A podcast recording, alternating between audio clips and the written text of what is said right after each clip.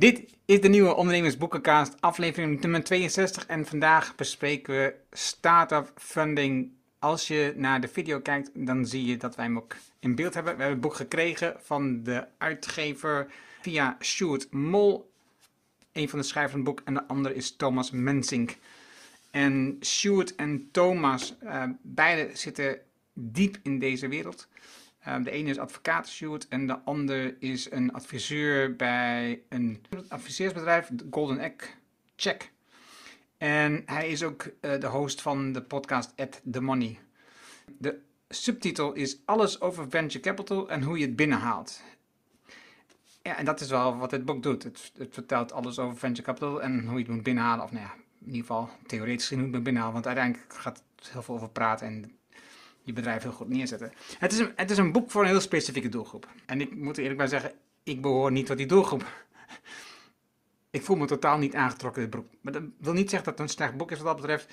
Als je, denk ik, onderzoekende bent of venture capital iets zou zijn voor jouw bedrijf, om je bedrijf te laten groeien, om investeringen op te halen, of als je al bezig bent met een zoektocht, dan staan hier heel veel handige dingen in, uitleg in, ik wil niet zeggen modellen, maar wel ideeën waar investeringsbedrijven naar zoeken, uh, wat je zou moeten doen in je bedrijf beter. Nou, daar komen we straks gewoon terug.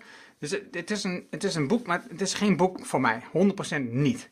Ik, sterker nog, ik ben anti wat er in het boek staat. Dat is hoe ik erover denk. Want dit boek, dit model, moet ik zeggen, niet het boek, maar dit model, dat je venture capital, dit staat voor mij voor het Anglo-Amerikaanse denken.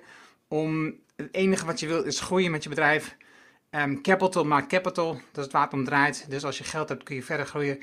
En uiteindelijk draait het om één ding, is dat je een exit pleegt. Dat is ook het laatste hoofdstuk van een boek. Dat je uiteindelijk gaat verkopen, want dan heb je pas een waardevermeerdering van alles wat je gedaan met je aandeel tot dan toe. En dan staat, en dan ga je opnieuw investeren in een andere start-up.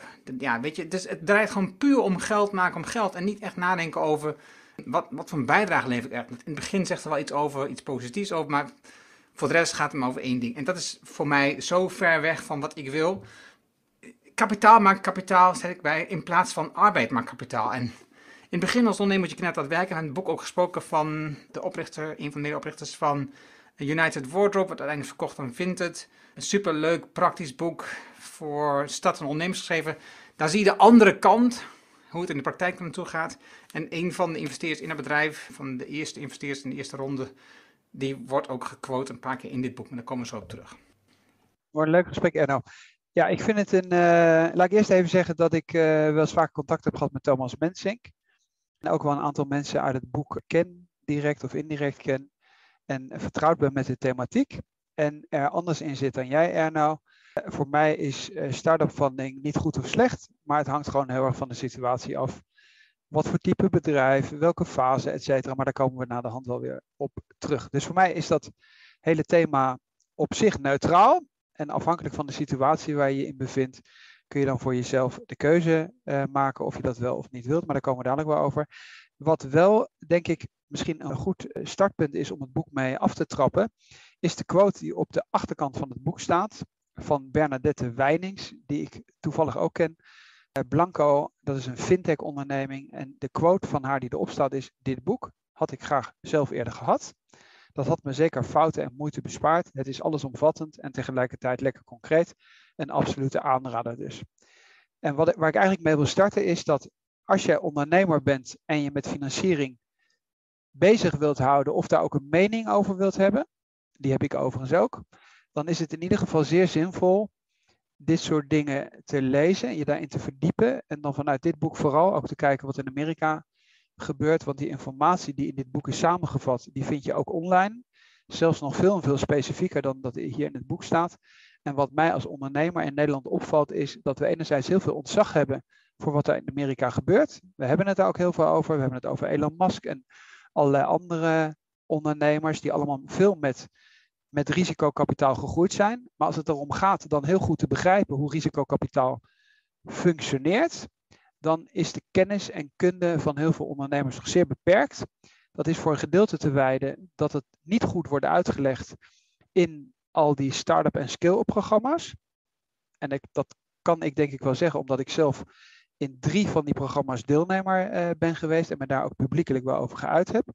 Dus in eerste instantie laten we eerst proberen überhaupt eens te begrijpen wat venture capital precies allemaal is. En dan duiken we het boek in.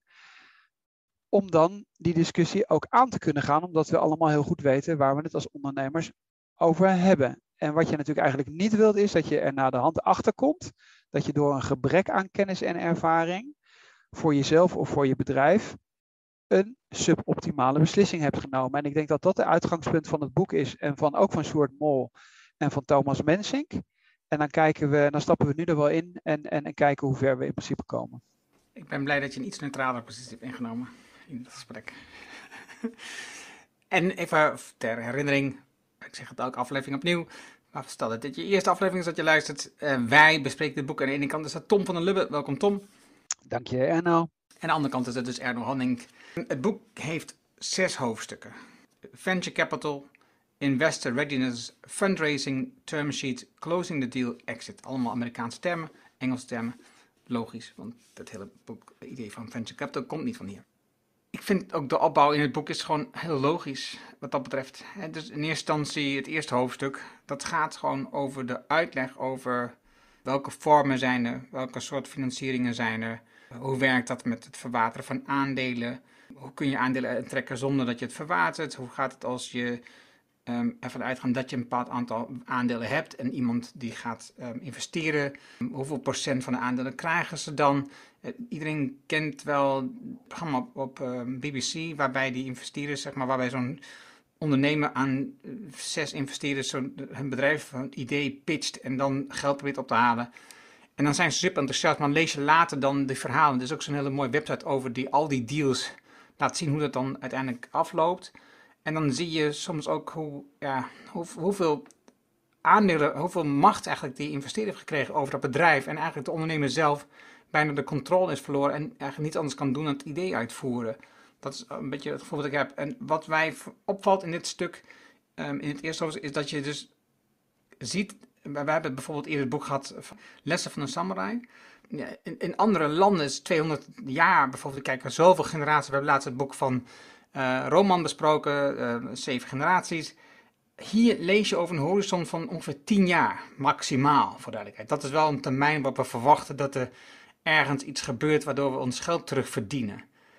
Dat is, het is echt een totale andere horizon dan wij, uh, jij en ik, Tom, aanhangen en kijken vanuit het Rijnlandse gedachtegoed. En dus daar zie je, wat mij betreft, ook een van de bezwaren die ik heb en ook ik denk een van de beperkingen die zit in de venture capital is dat je wordt gepusht om bepaalde acties te ondernemen en bepaalde niet te groeien. Um, omdat dan eenmaal, zeg maar, op het moment dat investeerders aan boord haalt, dat dan eenmaal onderdeel is van het businessmodel wat ze hebben. Misschien om daar even nog uh, aanvullend uh, iets verder op in te gaan, op bladzijde 23. En ik hou het even voor de kijkers thuis, even in de camera, staat een plaatje daar zie je eigenlijk vanuit welk perspectief dat boek geschreven is. Dus er staat aan de linkerkant staat start-up funding. Je zou het ook ondernemerschap kunnen noemen. En dan staat er, naar boven staat er bootstrappen. En bij bootstrappen houdt dan uh, de diagram houdt op. En aan de onderkant, bij externe funding, wordt het heel erg uitgesplitst. En om de link te maken naar andere podcasts die we hebben gedaan. Je hebt al even aangegeven de Japanse manier van denken, 200 jaar zou je ook kunnen zeggen, oké, okay, bootstrappen is uit eigen kracht, uit eigen cashflow, lange termijn, maar daar valt natuurlijk ook de hidden champions onder. En wat mij betreft ook klassieke bankfinanciering. Dus je kunt bij externe funding, de leningen kun je aan de onderkant neerzetten bij externe funding, maar je kunt eigenlijk ook zeggen van ja, bootstrappen, uh, uit, uit eigen kracht opbouwen en uh, zelf de zeggenschap houden als ondernemer kan gebeuren in combinatie met een lening. Daar komen we naar de hand nog wel op terug, omdat in dit boek wordt gezegd dat ondernemers eigenlijk in, in, in, in de minste gevallen überhaupt een banklening kunnen krijgen.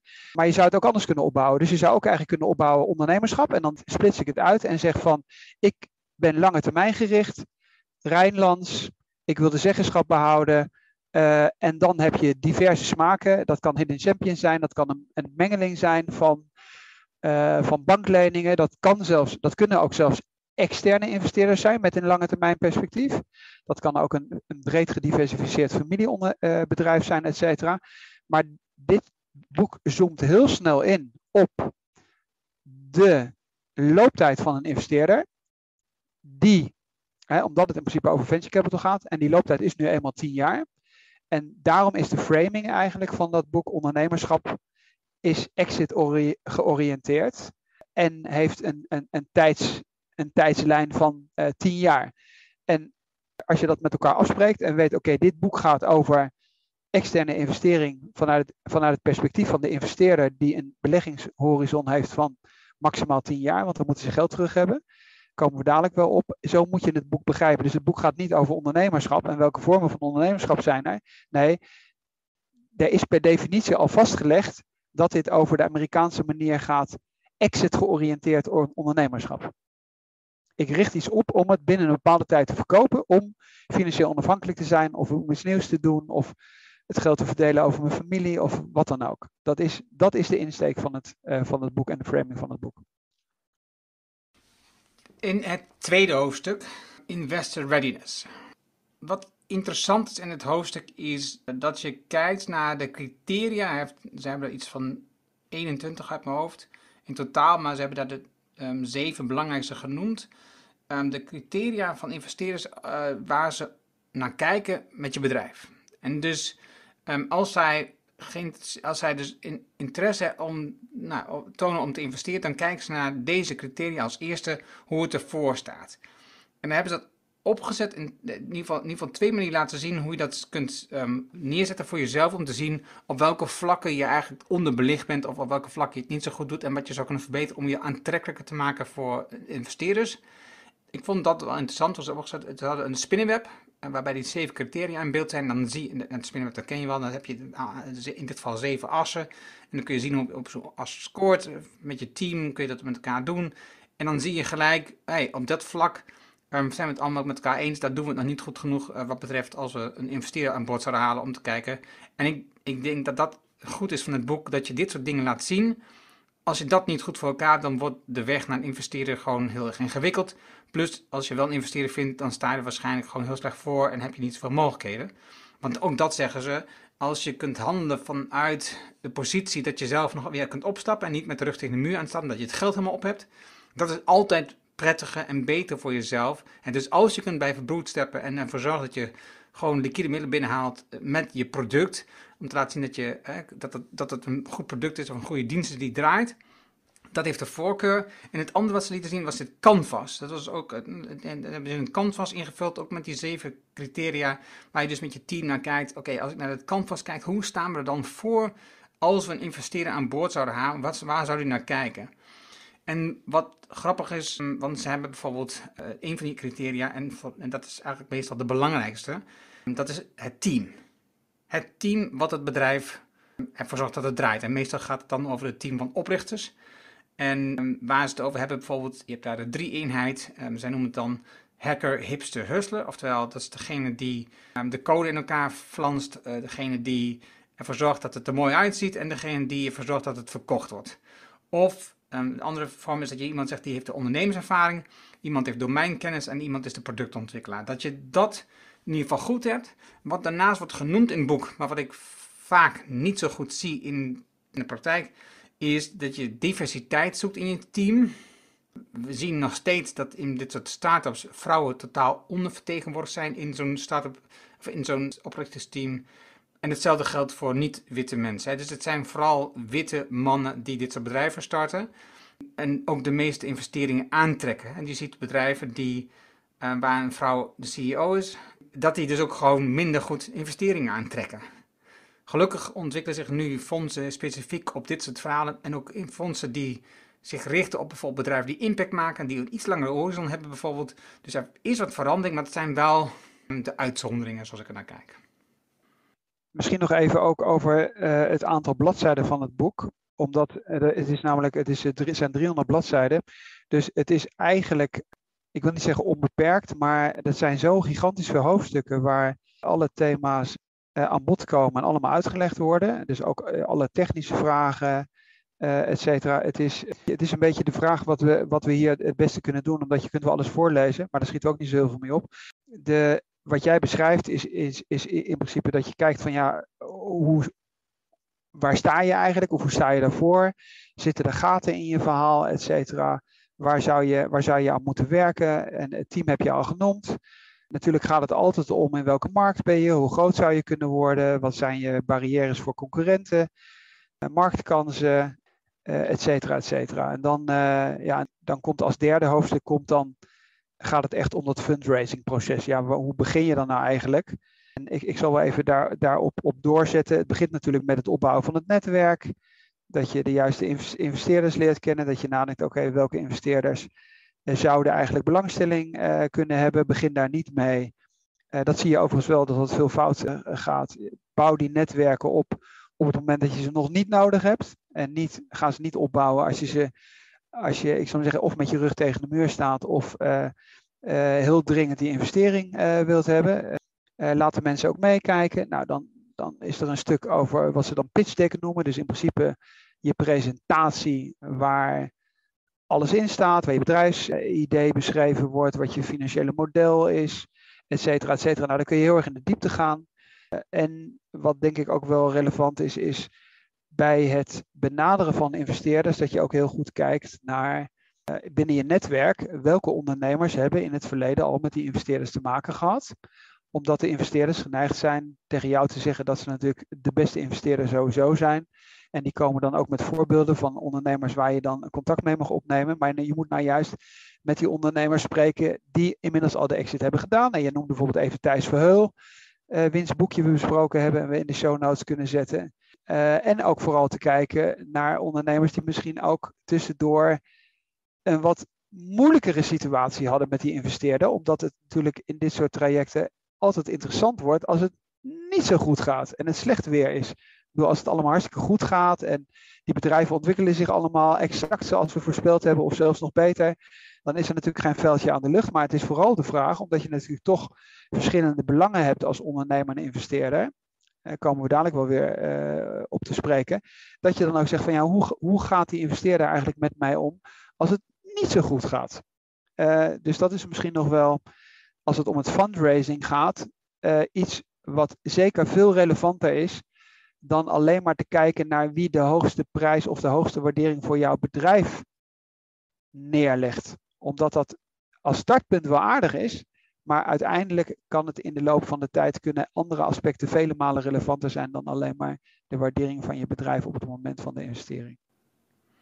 Ik zat nog denken, dat was, uh, um, ik ben even zijn naam is ontschoten. Er staat in het boek wat hij genoemd het is een, iemand die bij, voor een venture capital werkt, die vrij um, zichtbaar is, vooral via Twitter. En heeft altijd hele zinnige analyses van bepaalde investeringen of overnames.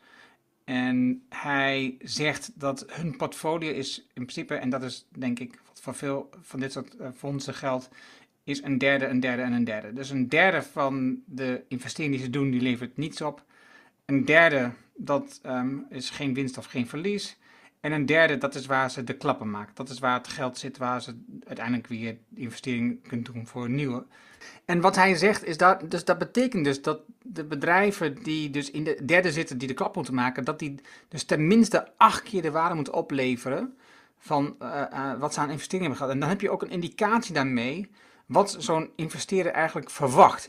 Zo heb ik hem in ieder geval gelezen. Dus als je zo'n quote leest, dan heb je daarmee voor jezelf een beeld. Als ik dus iets wil, dan moet ik wel ervoor zorgen dat mijn bedrijf straks tenminste acht keer de waarde is van de investering die, uh, die de eerste investeerder heeft gedaan, of in de tweede ronde hebben gedaan. Want dat is waar ze uiteindelijk op, koersen om een derde van hun fonds um, daarop uit te laten komen. Dus dat is, een, ik denk, een goede richtlijn.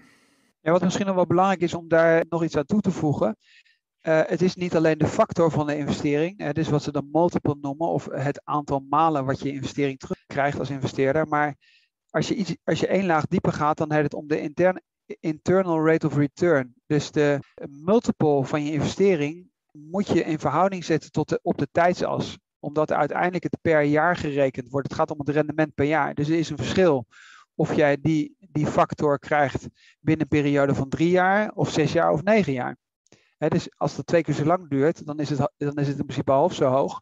En als het drie keer zo lang duurt, is het een derde, even heel simpel gezegd, is het natuurlijk niet helemaal zuiver. Maar het is net zoals omloopsnelheid van geld. Het, het gaat erom hoe snel weet je welke factor te behalen, zodat je meteen weer door kunt naar, naar, je, naar je volgende fonds of naar je volgende investeringen. En daar komt die tijdsdruk dan ook vandaan. Uh, en het tweede waar de tijdsdruk vandaan komt, dat is denk ik ook wel belangrijk. En ik denk ook wel dat veel ondernemers dat weten. Dat, en dat wordt ook goed in het boek uitgelegd. Dat een fonds heeft een bepaalde looptijd. Op een gegeven moment wordt het geld uitgegeven binnen een aantal jaren. Het verschilt een beetje per fonds, kan een beetje korter, kan een beetje langer duren.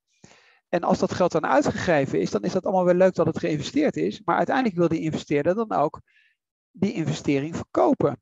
Omdat hij ten opzichte van, de van degene waar hij het geld van krijgt voor zijn fonds, dan ook wil laten zien, kijk, ik heb het goed geïnvesteerd. Ik heb die deelneming nu verkocht. Dat heeft x keer opgeleverd. En omdat je dat dan kunt bewijzen dat je zo goed geïnvesteerd hebt, krijg jij van die externe institutionele investeerders ook weer geld om het volgende fonds op te zetten. En daar komt die tijdsdruk vandaan. Ik vind dat dat in dat boek wat dat betreft goed wordt uitgelegd. Ja. Nou, dan, dan komt het meest saaie hoofdstuk. Denk ik. vind ik. Dat is beter. De term sheet. Ik heb er niet zo heel veel opgeschreven, want het is gewoon is een document waarin je alles vastlegt voordat er echt een deal wordt gemaakt. Dus, dus het is een document waar je met elkaar afspreekt. Wat gaan we doen? Wat zijn de verwachtingen? Uh, wat zijn onze eerste afspraken met een mogelijke investeerder waarmee je gaat samenwerken? En wat zijn dan de condities straks waar het ongeveer moet voldoen? En dus, dit, is nou niet, dit is nou niet de verkoop, maar dit is zeg maar, het voortraject dat je een, een document krijgt, een officieel document krijgt, waarin de staat als we dit gaan doen, dan moet het aan deze en deze condities voldoen. Dus wij, verwachten zo'n soort investeringen en zo'n soort leningen, dit soort aandelen. Dat, dat is hier allemaal vastgelegd. Meer wil ik eigenlijk niet over zeggen. Wat uitermate belangrijk is, is dat er een groot verschil is tussen de Amerikaanse investeerders of de Amerikaanse markt en de Nederlandse markt. Allemaal een beetje kort door de bocht, eh, om het een beetje te vereenvoudigen en we ons niet in de details verliezen. In Amerika is die industrie gewoon vele malen ouder, zijn er veel eerder mee begonnen, Anglo-Saxische wereld, dus waar wij zo vaak onze kritiek op hebben. Uh, alleen het betekent wel, omdat ze al veel langer bezig zijn, er veel, dat, dat, volume van die industrie veel groter is, die fondsen veel groter zijn, er veel meer mensen in werken, ze veel gespecialiseerder zijn, dat ze, en dat moeten we gewoon uiteindelijk erkennen en ook ruiterlijk toegeven, ze zijn gewoon veel beter en veel verder. En ze zijn taffer. Dus voor een Amerikaanse investeerder is het toch weer meer alles of niets ze proberen de juiste keuze te maken, dan is het met heel veel push. Uh, willen ze marktleiders uh, uh, creëren. Ze zijn taf, maar ze accepteren ook dat ze een risicokapitaalgever zijn. Dus ze zitten niet aan de leningskant en proberen dan via rentepercentages en allerlei andere dingen alsnog een beetje hun investering te optimeren. Nee, ze zitten aan de, aan de harde ondernemerskant en ze willen gewoon de beste ondernemers en de marktleiders hebben. En één thema wat bijvoorbeeld terugkomt en wat even ook weer de koppeling is met, met de quote van uh, Bernadette op de achterklap, is dat wat ze LICPREF noemen of liquidation preferences, wat ik uit ervaring ook weet dat veel mensen dat niet kennen. En alleen al om die reden, als je zegt van nou, ik heb daar geen verstand van, ik heb wel het woord wel eens gehoord, zou je dat boek al moeten lezen. Omdat uh, in dat boek heel goed uitgelegd wordt dat liquidation preferences heel relevant zijn, zeker als je meerdere investeringsrondes hebt, omdat het betekent dat de investeerder een extra recht heeft om eerst een inzet of nominaal terug te krijgen of met een bepaalde factor terug te krijgen. En dat dat eerst afgetrokken wordt van uiteindelijk de opbrengst of de exit. En dat is wel heel relevant. En waar ik naar wil verwijzen, en dat kunnen we in de show notes opnemen, omdat wat ik al eerder heb aangegeven is dat heel erg wordt gekeken op welke investeerder geeft altijd de hoogste waardering. Er is een zeer goede podcast of interview met Pieter van der Does van Ardien in mijn optiek een van de allerbeste onder, eh, ondernemers, uh, niet alleen in, in Nederland, maar ook in Europa, of misschien zelfs wereldwijd met Adyen. En die, die heeft in een podcast heel duidelijk uitgelegd dat zij, en dat konden ze zich ook veroorloven, dat ze geen liquidation preference wilden en dat ze bijvoorbeeld ook niet bij elke investeringsronde nieuwe boardsheets wilden weggeven aan investeerders. En dat zijn beide hoofdstukken hier in dit boek. Liquidation preference is hier 4.2.2 boardsheet staat geloof ik ook, stond, eigenlijk, stond ook ergens. Uh, dus al die rechten die die investeerders bedingen, dat zijn communicerende vaten met de waardering. En Pieter van der Does legt dus in die, in die, in die podcast uit dat hij liever een lagere waardering had, maar heel erg op de alignment, op, op, op, op dat de koppen allemaal dezelfde richting in, in, in, in gingen en niet elke keer als er een financieringsronde bijvoorbeeld bij kwam, dat die board weer veranderd werd of dat er extra preferenties of extra rechten door de investeerders bedongen werden. En dat hij heeft gezegd van nee, ik ga liever voor een, voor een geringere waardering en meer voor een simpele structuur waar wij uiteindelijk met dezelfde mensen toch meer, tussen aanhalingstekens, lange termijn gefocust zijn. En niet elke keer die onrust heen komt door allerlei nieuwe investeerders die dan ook weer discussies ontketenen met mensen die eerder erin zijn gestapt. Dus ik denk dat dat wel interessant is om daar eens even goed naar te kijken. Uh, en dan uiteindelijk onder de streep is het natuurlijk altijd een kwestie van vraag en aanbod en van de marktsituatie. Hoe, hoe meer je geliefd bent bij de investeerders, des te meer kun jij bepalen waar de reis naartoe gaat. En, en, en, en hoe meer de investeerders de markt bepalen, wat op dit moment weer aan het gebeuren is, des te meer zul jij genoegen moeten nemen met dingen die je wellicht oorspronkelijk niet zou willen. Maar ik denk dat het uitgangspunt heel belangrijk is. Überhaupt eerst eens te kijken, wat, wat zijn nou de dingen waar ik wel compromissen op zou willen aangaan en waar niet? Hoe belangrijk is de waardering? Hoe belangrijk zijn andere aspecten? En ook eens goed kijken naar succesvolle ondernemers, wat die daarover zeggen en wat die misschien ook voor lessons learned uh, daar hebben gemaakt. Omdat, je, omdat we daar wel heel van, veel van kunnen leren. Omdat de ervaring van het ophalen van investeringsrondes, daar heb je nou eenmaal niet zoveel ervaring. Degenen die veel ervaring hebben, die zitten nou juist aan de andere kant van de tafel. Terwijl jij als ondernemer doe je één of twee of drie keer in je leven doe jij, je, doe jij die rondes en that's it. En die, en die investeerder doet het elke keer. Dus je hebt wat dat betreft een ongelijk speelveld. En dat ongelijke speelveld kun je eigenlijk alleen maar compenseren door heel goed te luisteren welke fouten andere ondernemers in het verleden gemaakt hebben. Ja, dat betekent dus dat je niet alleen netwerk moet ontwikkelen van investeerders, maar dus ook van ondernemers die succesvol en ondernemers die niet succesvol zeg maar, door dit, dit ronde zijn gekomen om te leren van oké, wat gebeurt er. Overigens, jij vertelt net over, uh, je had het over, hè, dus dat die markt in Amerika enorm ontwikkeld is en dat die Amerikaanse venture capitals ook vaak meer risico nemen, daar bewuster ingaan. En ze schrijft in het boek ook dat is in, in Nederland, in Europa is het wat meer, maar zeker in Nederland, dat de, um, die investeringsfondsen wat meer terughouden, dat het voorzichtiger zijn. Dat heeft natuurlijk voor een deel te maken met hoe groot de markt is. De markt in Nederland is nu helemaal niet zo groot als de markt in Amerika. En dus wordt bijvoorbeeld gekeken op zo'n moment ook, um, is je product makkelijk te vertalen? Is het makkelijk in, internationaal uit te rollen, ja of nee? Want de potentie zit niet in Nederland, de potentie zit in een internationale uitbreiding van dit. En dat had je net over, Jen had je net over, dat noemde je ook, al een paar keer heb je het nog genoemd in onze gesprekken. En dan zie je dus dat die potentie zit, zit die, als je iets doet met alleen Nederland, dan is, die dus, dan is die potentie dus begrensd. En dat is niet wat een venture capital eh, partij zoekt. Die zoekt dus een, eigenlijk een onbegrensde mogelijkheid in dit verhaal. Ja, wat ook een rol speelt is, en dat vind ik wel jammer aan het boek, om ook meteen een kritiekpunt te noemen. Als je bijvoorbeeld kijkt naar het volume van de markt en bijvoorbeeld het aantal mensen wat werkzaam is in zo'n sector. Of je kijkt bijvoorbeeld ook naar welke fondsen in de meest succesvolle Nederlandse ondernemingen geïnvesteerd zijn geweest. Neem bijvoorbeeld Ardian als voorbeeld. Uh, maar je kunt ook uh, Elastic nemen of MessageBird of Molly of wat dan ook. Dan is elke keer de vraag hoeveel Nederlandse investeerders zaten erin en hoeveel buitenlandse investeerders zaten erin. En wat natuurlijk logisch is, als jij heel veel geld hebt en je hebt ook veel meer mensen in een team, dan kun je makkelijker veel mensen op een bepaald thema zetten. Dus neem even bijvoorbeeld fintech. Hè. Ik zit in de fintech space, om het maar even zo te definiëren.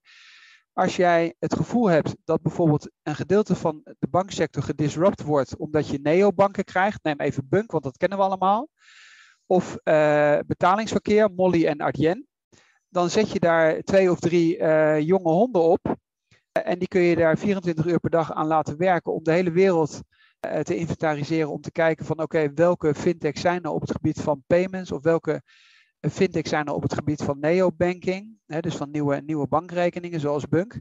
En dan ga je al die data verzamelen, dan ga je alles benchmarken, ga je met elkaar vergelijken, dan ga je die bedrijven allemaal benaderen en dan zeg je hier, wij zijn gefocust of gespecialiseerd op fintech, kunnen we een keer langskomen, et cetera. En dan ga je die wereld dus heel goed in kaart brengen. Dan, ga je, dan krijg je steeds meer informatie. Dan kun je steeds beter inschatten welke van die spelers de meest interessante kandidaat zou zijn om, om in te investeren. En zo is, en dat zouden we misschien ook nog in de show notes kunnen opnemen voor de liefhebbers. Eh, toen eh, Adje naar de beurs is gegaan, toen heeft Jan Hammer van Index Ventures, een van de meest vooraanstaande investeerders wereldwijd. Jan Hammer heeft een blogpost geschreven en gezegd van, ik ben ooit naar, naar, naar Adyen gegaan, naar Amsterdam. Die wilde eigenlijk helemaal geen investeerder hebben. En ik heb gezegd, ik wil dolgraag bij jullie investeren met Index Ventures. En Pieter van der Does heeft gezegd, nee, dat wil ik helemaal niet. Maar als je mijn aanbod doet wat ik niet kan afwijzen, dan, uh, dan heb je toch een kans. En Jan Hammer heeft een aanbod gedaan. Dat was een heel goed aanbod. op dat moment. Is de allerbeste investering ooit geweest die Index Ventures heeft gedaan. En daar zie je dus dat het dan omgekeerd is. Dus als je veel resources hebt, veel mensen hebt, dan wordt er geanalyseerd en dan worden die bedrijven op een gegeven moment benaderd, omdat die investeerder een heel goed overzicht heeft welke markten er aan het veranderen zijn, wat ook de juiste timing is, welke spelers er zijn en gaan ze ten opzichte van elkaar benchmarken en zeggen van nou, van die 20 bedrijven die we gezien hebben, die vier, daar zouden we eigenlijk in willen investeren. Ja, en dat zie, wat jij nu beschrijft, eigenlijk ziet het ook terug in het hoofdstuk hiervoor, dat beter is voor ondernemen om voor te zorgen. Want je kan natuurlijk op zoek gaan naar. Maar het is eigenlijk beter om te zorgen dat je aantrekkelijk wordt investeerders. Zodat ze jou vinden. Want dan krijg je nou meer investeerders af. En dat, dat sluit hierop aan. Het uh, vijfde hoofdstuk is closing deal. Eh, dit, is, dit is het moment dat je eh, dingen gaat vastleggen. En ik herinner ook het boek van Thijs Verheul dat het een heel lastig moment is. Hè? Dus je bent in gesprek met een potentiële of een aantal potentiële partijen die willen investeren in je bedrijf het is het moment dat de advocaten en boekhouders in, in, het spel komen, die allerlei dingen van je gaan overnemen. Je verliest een beetje de controle. Tegelijkertijd moet je de hele tijd aanwezig zijn en beschikbaar zijn om al die vragen te kunnen beantwoorden. Je moet heel veel inzicht geven in je boekhouding, in alles wat je eh, van plan bent, hoe de markt. Je moet heel veel inzicht geven en, en je kan er niet over praten met je mensen. Dus mijn gevoel wat ik hierbij had, en eh, wat ik ook een paar keer in de, kant aan opgeschreven voor mezelf, is wat jullie ook hebben bij Visie is dat bij jullie staat medewerkers op één, klant op twee en um, de aandeelhouders op drie. Weet je? En dan zijn jullie als partner de aandeelhouder. Maar op het moment dat je met zo'n proces bezig bent, zoals wat je hier beschreef in de closing the deal, dan verdwijnt de, aandeel, de aandacht volledig naar op dat moment venture capital, naar de, de, de potentiële investeerders. En dus de aandacht verdwijnt dus ook van je medewerkers. Dus dit is een heel gevaarlijk moment waarbij heel veel rumoer kan ontstaan in je bedrijf, heel veel onrust, waar je op dat moment bijna ook geen oog voor hebt. Veel mensen in je bedrijf vragen zich waarschijnlijk ook af waar je de hele dag mee bezig bent, want je hebt helemaal geen tijd meer, wat je voorheen wel had. Dus je zag het ook in een boek van Thijs, net al zei, het is een lastige periode waarin veel van je wordt En moet je ook nog voorstellen dat je dan investeerders krijgt van over de hele wereld. Hè? Dus niet alleen vanuit Nederland, dus je hebt andere tijdsvakken waar die mensen in werken. Dus je bent overdag bezig met je team en s'avonds, s'nachts met uh, potentieel investeerders overleggen. En het grappige was, in dit boek wordt ook een paar quotes verwerkt van degene van Peak Capital, die een van de eerste investeerders was in um, United Wardrobe. En dus dan, dan, zie je ook wel een paar kritische noten die in mijn optiek in het boek van Thijs anders beschreven worden als hij dat hier zelf benoemt. Maar goed, dat is misschien meer ook een gevoel dan wat anders. Wat had jij over dit stuk Closing the Deal? Ja, dat ik het uh, niet helemaal met het boek eens ben. Dus ik denk dat als je de weg wilt opgaan met investeringen en grotere investeringsrondes, dat je, laat ik zo zeggen, dat zou in ieder geval mijn persoonlijke voorkeur hebben. En zo doen, doen wij dat ook bij, bij andere thema's. Je kunt dan beter je team verbreden. En dan eigenlijk al voor, voor sorteren op het feit dat je mensen dan, dat kan bijvoorbeeld een goede CFO zijn, die bijvoorbeeld dat in het verleden al gedaan heeft. Dat zie je bijvoorbeeld ook heel veel dat dan een ervaren CFO wordt aangenomen, omdat je weet dat je die rondes door moet. En dan kan de CEO, zou ik maar zeggen, even in het klassieke uh, hiërarchische ouderwetse model, dan kan de CEO of de COO kan dan operatieve business doen. Blijft nog steeds aanspreekpunt voor de organisatie, voor de klanten, voor de medewerkers. Hè, hoe het bedrijf ook uh, ingericht is. En aan de, aan de andere kant bouwt dan die CFO een team op met mensen die ervaring hebben en dit soort dingen al vaker hebben gedaan. En dat is natuurlijk bij Ardien is dat ook zo geweest. Daar zit een uh, Uitenhagen heet hij geloof ik. Dat is de CFO. Die zal voor een heel groot gedeelte die financieringsrondes hebben gedaan. En Pieter van der Does en uh, die zal de CEO-rol hebben vervuld. En, en dan zaten er nog technische mensen die heel erg met die code bezig zijn geweest. Pieter van der Does is geen programmeur. En zo heeft men die dingen opgedeeld. Dus weer terug naar, die, naar, naar dat complementeren van zo'n team. Als jij nou gestart bent je weet dat je, omdat je in een winner-takes-all markt zit, je weet dat je die financieringsrondes allemaal moet gaan doen. Dan zorg dat je tijdig een CFO aan boord haalt die deze ervaring heeft, zodat je na de hand niet 24 uur per dag zelf daarmee bezig bent, omdat je dat uiteindelijk gewoon niet voor elkaar krijgt. En wat je ook hebt, is je bent ook niet meer scherp. Dus je bent in, in beide richtingen ga je fouten maken. Dat is in principe wat Thijs Verheul in zijn boek ook heel goed heeft uh, beschreven. Dan was dat natuurlijk nog een, een klein bedrijf. En dat betekent dat als je die boel wel van elkaar kunt scheiden, uh, dat je dan veel meer rust hebt. En dan kan de CEO kan, en, en de rest van het team, die kan zich gewoon verder focussen op het verder opbouwen van het bedrijf. En dat wordt ook in het boek van, van Thijs beschreven, waar dan een van die conclusies is, als je nou gewoon zorgt dat je gewoon het bedrijf steeds beter wordt en steeds aantrekkelijker wordt, dan komen automatisch ook wel weer die investeerders en dan zijn die onderhandelingen natuurlijk ook veel makkelijker. Ja, ik denk dat in het boek van Thijs ook dat je ziet, is toen het moment toen de tweede investeringsronde, uh, toen was er een potentieel investeerder, toen dat stuk liep, en daarna eigenlijk heel hard in het bedrijf aan het werk moest om een heleboel dingen recht te zetten, mensen ontslaan. Het, ging tot, daarbij zag hij plotseling van, hey, het is eigenlijk, we zijn de verkeerde kant op gegaan. En dat was, die aandacht was daarvoor dus verdwenen, waardoor het natuurlijk ontstaan is. De markt is ook veranderd, daar gaat niet om. Maar dus, dat is denk ik precies wat jij ook hierin zegt. Is, en ik denk heel tegendraads voor de gemiddelde ondernemer, uh, oprichter, om te denken, ik moet nu een CFO hebben. Want dat zijn niet de mensen waarvan je denkt die moet ik in mijn bedrijf halen, want die, hebben, die zoeken de verkeerde dingen voor mij op. Nou, nee, maar het is als je, als je die route kiest, dan zul je dat naar mijn idee moeten doen. En wat je ook niet moet onderschatten, en wat, dat wordt inderdaad in dat boek van Thijs ook goed beschreven, is dat het qua gevoelens en qua. Uh, het is een rollercoaster. Dus het is, als jij elke keer aan het pitchen bent en een investeerder zegt nee, of het gaat op het laatste moment toch niet door, dan, ja, dan, dan zitten de mensen in principe, zijn we volledig gedemotiveerd. En denken van hé, hey, dat wordt nooit wat. En uh, we hadden het eerder moeten doen of tegen andere condities moeten accepteren. En degene die eigenlijk operationeel de business aan het opbouwen is, die moet eigenlijk volledig ongestoord daarvan gewoon permanent gefocust zijn op het bouwen van dat bedrijf. En eigenlijk, ik zal maar zeggen even kort door de bocht geformuleerd, gewoon geïnformeerd worden door finance of door de CFO als die deal rond is. Maar voor de rest gewoon niet te veel afgeleid worden. Uh, en dat zou je eigenlijk gewoon goed van elkaar moeten scheiden. Ja, oké. Exit. Het moment waarvoor je het allemaal voor doet. Verkopen van je aandelen, verkopen van het bedrijf aan een partij. Het maakt er niet zoveel uit wie op dit moment dat het is. Een van de belangrijke dingen die je uit hebt gehaald is dat je dus je team goed voorbereidt voor dat moment. Wat je ziet is natuurlijk ook, wat is dan je eigen rol? Wat wordt je eigen rol op het moment dat dit gebeurt? Blijf je aan boord? Neem je een nieuwe rol in, in, in deze nieuwe samenwerkingsvorm? Of blijf je CEO en ga je met het geld investeren. Dus het is je, jezelf bedenken, wat is mijn rol bij de exit? Wat wil ik daarna gaan doen? Maar ook, hoe, hoe richt ik mijn team in en hoe richt ik ze, hoe licht ik ze goed voor uh, wat betreft die, die, overname, wat betreft de aandeelovername, wat betreft de verandering. En ik denk dat dat nou, een, een hele lastige is. Want uiteindelijk, wat ze in het boek ook zegt, waar ze naartoe werken, is natuurlijk gewoon die overname. En dat je daarna een zak met geld hebt. En wat ze dan ook zeggen is, dan kun je van vooraf aan beginnen. Dus dan kun je dus beginnen met zelf weer investeren in een start-up of ja, een nieuwe start-up beginnen met het geld dat je hebt verdiend. Uh, zoals je bijvoorbeeld uh, van uh, Elon Musk, die ooit zijn eerste verkocht heeft, volledig geld heeft geïnvesteerd in PayPal, dan weer volledig geïnvesteerd in, in Tesla en dat weer volledig. Nou, dus je ziet gewoon dat als, je, als je het spel speelt wat hier wordt beschreven, dan stopt het niet na deze exit. Dan ga je natuurlijk, want je bent natuurlijk ondernemer, je gaat gewoon door met het volgende spelletje. En, uh, en, en eigenlijk wordt het alleen maar groter. Op het moment dat je namelijk je eh, kapitaal verveelvuldigd hebt, dan is het natuurlijk in de volgende ronde wil je natuurlijk meer uh, resultaat behalen.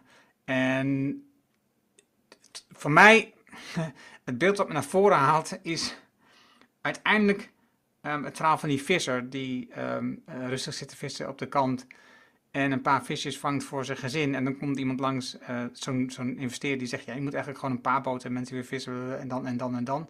En uiteindelijk, als je heel veel geld hebt, je hebt je boel verkocht, dan heb je heel veel geld en dan kun je op de kade zitten rustig vissen uh, en dan, uh, dan heb, je, heb je nergens zorgen over. En die vissen die denken, ja, maar dat heb je nu al, dus waarom zou ik al die moeite doen? Dat is een beetje het gevoel aan het einde wat ik had met het boek. Ja, misschien nog wel even technisch. Het, het wordt bewust, en dat is ook goed, dat het verdeeld wordt in IPO, dus beursgang, en overige exit scenario's. En dan is misschien overige exit scenario's is misschien niet eens zo goed gedefinieerd, omdat een IPO niet per se een exit is. Dus als je naar de beurs gaat en je, en je neemt bijvoorbeeld even uw RDN, die zijn naar de beurs gegaan. Een gedeelte van de aandelen wordt dan aangeboden. Dus dan ben je wel financieel onafhankelijk. Maar je, ik zal maar zeggen, de helft wordt naar de beurs gebracht van zo'n hele grote beursgang dan, heb je dan, is iedereen financieel onafhankelijk, maar je bouwt gewoon verder dat bedrijf aan de beurs op. En dat gebeurt bij Artien. Ook weer voor volledige transparantie. Wij als visie hebben gedefinieerd dat hypotheek is een hele grote markt. Als wij, als wij ooit, ik zou maar zeggen, heel groot zouden worden, dan zouden wij voor een beursgang gaan. Omdat wij, en dan zitten we weer bij dat Rijnlandse, et cetera, dan is een beursgang nog steeds het door ondernemen. En dat wordt in het boek wordt wel, uh, wordt dat wel een beetje uitgelegd. Dus er wordt wel gezegd van voor het management betekent een IPO vaak een nieuw hoofdstuk, maar niet het einde van een avontuur. En dat is bij, bij een exit kan dat bijvoorbeeld wel zo zijn. Dus als er gewoon verkocht wordt aan een andere club, dat bijvoorbeeld bij Vinted uh, is dat, is dat bij Wardrobe wat aan Vinted verkocht is, daar stapt Thijs er dan uit en zegt ik ga nu investeren. Nu is hij ook weer op zoek naar zelf een onderneming waar hij als ondernemer uh, actief in kan zijn. Dat is gewoon echt een ander verhaal. Ook serial entrepreneurship is een ander verhaal. Dus ik denk dat dat wel van elkaar gescheiden moet, moet worden. En ik ben persoonlijk een heel groot voorstander ervan dat meer bedrijven zouden moeten proberen om in een combinatie wel met extern kapitaal, risicokapitaal, neem bijvoorbeeld ook Bunk. Ali Nicknam heeft nog steeds 90%. Als Ali op een gegeven moment met Bunk naar de beurs zou gaan, dan is Bunk een beursgenoteerd bedrijf. Dan kan het best zijn dat hij van die 90% die hij nu heeft nog 30 of 40% verzilvert. Maar Bunk is dan in Nederland een beursgenoteerd bedrijf waar Ali misschien nog steeds de CEO van is en nog steeds de komende 10 of 20 jaar verder kan ondernemen. Dat is iets anders dan het bedrijf te verkopen. Eens. En, met dat geld, wat hij dan natuurlijk daarmee binnen had met die, met die beursgang, kan die nieuwe bedrijven kopen om verder uit te breiden, nieuwe markten aanboren, dus investeren in marketing, uh, noem maar allemaal op. Dus dat is, dat zou, dat zou, wat jullie ook doen, dat zou eigenlijk de, de, de reden zijn waarom je dit doet. Dat je, dat je het wil laten groeien uh, om, om uit te breiden. En zijn Europa en Nederland is wat dat een heel klein land. En dus als je verder wilt groeien, moet je gewoon nog veel meer investeren in landen als Frankrijk en Duitsland. Met heel veel aspecten die je moet, moet veranderen en aanpassen om ervoor te zorgen dat je product daarvoor geschikt is. En dat kost gewoon heel veel geld. Um, ook sowieso alleen al um, de cultuur in die landen is anders, waardoor je eh, heel veel tijd kwijt bent, maar ook mensen nodig hebt om in een andere vorm te. Het is, het is, het, wat dat betreft in Europa is echt wel wat lastiger, heb ik gemerkt, ook uit mijn ervaring toen ik bij beursgenoteerde bedrijven heb gewerkt, is het gewoon ingewikkelder om die dingen op, deze manier te organiseren. Wat ik nog aan je wil vragen, want jij noemde dat even voordat we het, de opnameknop eh, aanzetten, zeg maar. Toen had je het over die banken in Duitsland, waarbij je dus gewoon met leningen werkt eh, om je bedrijf te vergroten. Hoe, hoe, hoe zie je dat in verhouding? Want dat wordt hier eigenlijk nauwelijks beschreven. Ja, het is wel goed dat je dat zegt, want ik had het wel opgeschreven dat ik er iets over wilde zeggen. Er staat ergens, ik moet even kijken waar dat is. Er staat ergens dat je eigenlijk als ondernemer geen lening kan krijgen. Helemaal in het begin is dat ergens. En daar wordt de Rabobank even genoemd in het kader van start-up programma's. Uh, als jij de bladzijde weet te vinden, dan, uh, dan zeg ik daar even iets over. En dan zeg ik ook iets even over, over ons als bedrijf. Uh, wij hebben nog steeds alle aandelen. Geen externe investeerders aan de eigen kapitaalkant. En wij hebben dus wel een lening van de Rabobank gekregen. Wat overigens wel betekent dat wij persoonlijk aansprakelijk waren, omdat we moesten ondertekenen voor, dat, voor een gedeelte van dat bedrag. Er zat ook een gedeelte staatsgarantie in. En ik heb vandaag een artikel gepost van een artikel uit wat is het, MT Sprout waar uh, iemand ook weer de Rabobank noemt. Dus de Rabobank die doet wel een aantal, die, die doet wel een aantal dingen. Alleen het is zo dat zeker in de Nederlandse context, dat heeft ook met de, met de, bank, met de bankenconsolidering te maken, zijn er maar weinig banken waar je aan kunt kloppen om een lening op te halen. Nou, nu naar jouw vraag van het Duitse model. In Duitsland is het nog veel gebruikelijker dat banken leningen verstrekken. Er zijn er ook 400. En de traditie van het klassieke MKB, zoals we dat vroeger ook van de Rabobank en de NMB kenden, dus de voorloper van de ING, was ook dat een ondernemer gewoon uit eigen kracht groeide, cashflow positief was, maar tegelijkertijd voor de groei wel leningen ophaalde bij de bank om de groei te versnellen. Dus als je kijkt naar alle oude bedrijven, alle oude MKB-bedrijven, die zijn niet altijd alleen maar uit eigen cashflow gegroeid. Nee, die hebben eerst laten zien dat ze product market fit hebben, dat ze vanuit hun eigen businessmodel geld verdienen. Dan laat je aan de bank zien dat je geld verdient. En dan zegt de bank, nou, ik heb er wel vertrouwen in dat als ik u geld geef, dat u uw groei gaat versnellen, want uw product market fit, die is er al. Het is wel zo dat in Nederland dat heel erg opgedroogd is. Dan zie je wel allerlei andere dingen komen, als crowdfunding en weet ik veel wat allemaal. Alleen de focus in Nederland ligt wel op dit moment heel erg op eigen kapitaal van investeerders ophalen en veel minder op leningen van een bank ophalen, omdat die er gewoon niet zijn en niet gegeven worden. Enige, enige uitstap die in het boek gemaakt wordt, is heel erg de nadruk te leggen op allerlei subsidies en overheidsfondsen, dus bijvoorbeeld regionale ontwikkelingsfondsen, et cetera. Alleen wat daar ook vaak weer een rol speelt, is dat ze alleen maar meedoen als jij al een commerciële investeerder hebt. Omdat ze dan zeggen van nou, als een commerciële investeerder erin zit, dan, dan doe ik ook wel mee. Terwijl ze toch een, een 100 investeringen per jaar baan. Ja, ja dat, dat, zijn overigens wel grote bedragen. Dus het is niet zo dat dat niet relevant zou zijn. Alleen, alleen die bankleningen, dat is wel heel erg op, op, opgedroogd. Uh, wat dat betreft, oh, nogmaals dank aan de Rabobank, eh, want zij hebben dat wel gedaan. Kijken hoe ze dat in de toekomst ook, uh, ook ontwikkelt. Ik wil er nog één afsluitende bemerking geven over wanneer wel of geen risicokapitaal ophalen.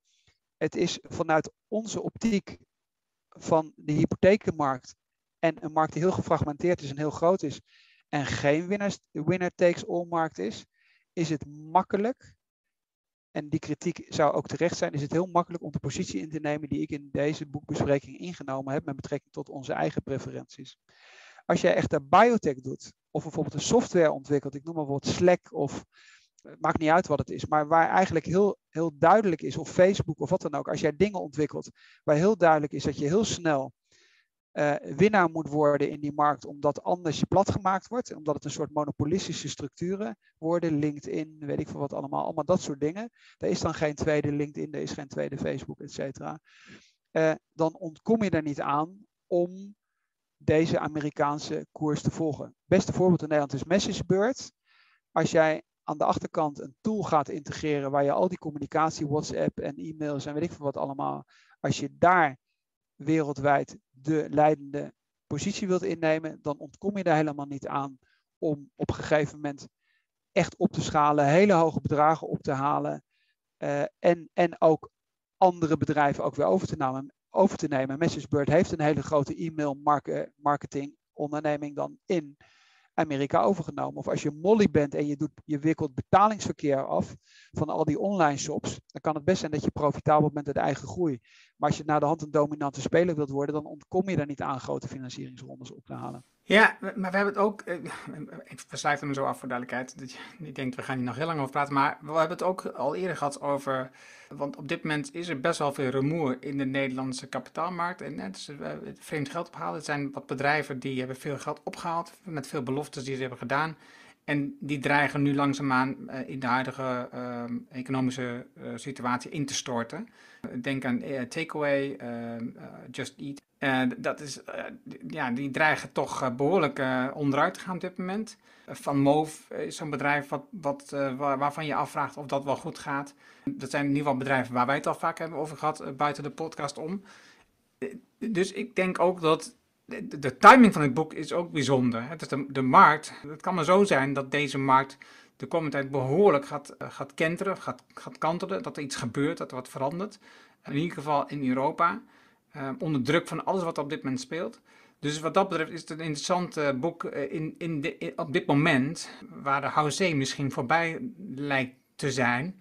En, en dus eigenlijk dus daarmee je verhaal, om als je wel wilt groeien wel erg sterk moet zijn ondertussen. Dat je verwachtingen en de prognoses die je hebt, dat die niet zomaar uit de lucht. De, de, de, bekende hockeystick die al en al die uh, pitch decks naar voren komen. Ja, die, moeten, die moeten wel erg op stoel zijn. Dat niet met twee vragen al doorheen prikken. En wat is natuurlijk wat, wat veel gebeurt. Nou, misschien nog even aanvullend uh, te reageren op jouw Van Mo voorbeeld. En om me daar ook meteen te exponeren of daar duidelijk, uh, maar ook duidelijk te positioneren. Van is wat mij betreft dan juist een typisch voorbeeld van een van een hidden champion strategie. Je produceert iets. Je wilt eigenlijk dat het een optimale kwaliteit heeft. Dus je focust heel erg op de kwaliteit van je product en dan hoop je dat het zichzelf verkoopt. En dan schaal je langzaam op, omdat het nou juist geen winner takes all markt is. Het is niet zo dat er maar naar de hand één fietsenfabrikant over is. Er zullen een hele hoop verschillende fietsenfabrikanten zijn. Uh, en daar hoef je helemaal niet als een, als een idioot op het gaspedaal uh, te drukken. In ieder geval, ik zie, dat, ik zie dat persoonlijk niet. Alleen daarom dus zet even LinkedIn of Facebook tegenover Van Moof of ook Boogaboo, kinderwagens. Uh, het is niet zo dat je één marktleider hebt op het gebied van kinderwagens en dat je daardoor enorm agressief een investeerder aan boord moet halen, die overigens, om de cirkel weer rond te maken, verwacht dat binnen zeven jaar uh, de cijfers keer tien gaan. Want dat creëert natuurlijk heel veel druk. Dus waarom zou jij binnen zeven jaar tien keer zoveel kinderwagens willen produceren, willen verkopen. Dus dan om weer de koppeling te maken naar Hidden Champions. En wat dat betreft, voor de mensen die deze podcast luisteren, luister in ieder geval ook naar de podcast van Hidden Champions. Als jij kerkjaar bent en je zit in Winnenden in het zuiden, ten zuiden van Stuttgart en je maakt van die hoge drukreinigers en je zegt, weet je wat, wij zijn een familiebedrijf, we, we openen, er zijn 190 landen en we openen elk jaar twee landen, dan hebben we nog 100 jaar de tijd. Waarom zou je dat voor, voor je fietsen of je, of je kinderwagens niet net zo kunnen doen? Eens. En daarmee ronden we dit gesprek af. Dat was een mooie afsluiter. Eh, kanttekeningen bij deze wereld, maar ook tegelijkertijd andere kansen en mogelijkheden die er zijn. Het is niet, het is niet, dit is niet de enige oplossing. Zo hebben ze het overigens ook niet beschreven, maar het is wel de enige die ze belichten in het boek. En dus als je in de race zit en jij denkt, ik moet echt met mijn bedrijf groeien, anders maak ik überhaupt geen kans en anders gaan andere mensen met, uh, met de markt vandoor en dan um, heb ik geen kans meer ja, dan, dan is dit een super interessant boek waar, wat je al een paar keer beschreven. Er zitten lessen in die je kunt gebruiken om ervoor te zorgen dat je foutjes, fouten um, voorkomt. Dus dat, dat betreft is het een waardevol boek voor mensen die ja, aan de slag willen met, met, met kapitaal, met extern, met, met risicokapitaal. Dus dankjewel Tom voor het lezen van het boek. En um, dankjewel ook voor jouw inzichten weer vandaag in dit boek. Ik graag tot de volgende keer. Dankjewel voor het luisteren. En nou, ik ben benieuwd welk boek wij over twee weken hebben laten we gaan bespreken. Dankjewel, Erno.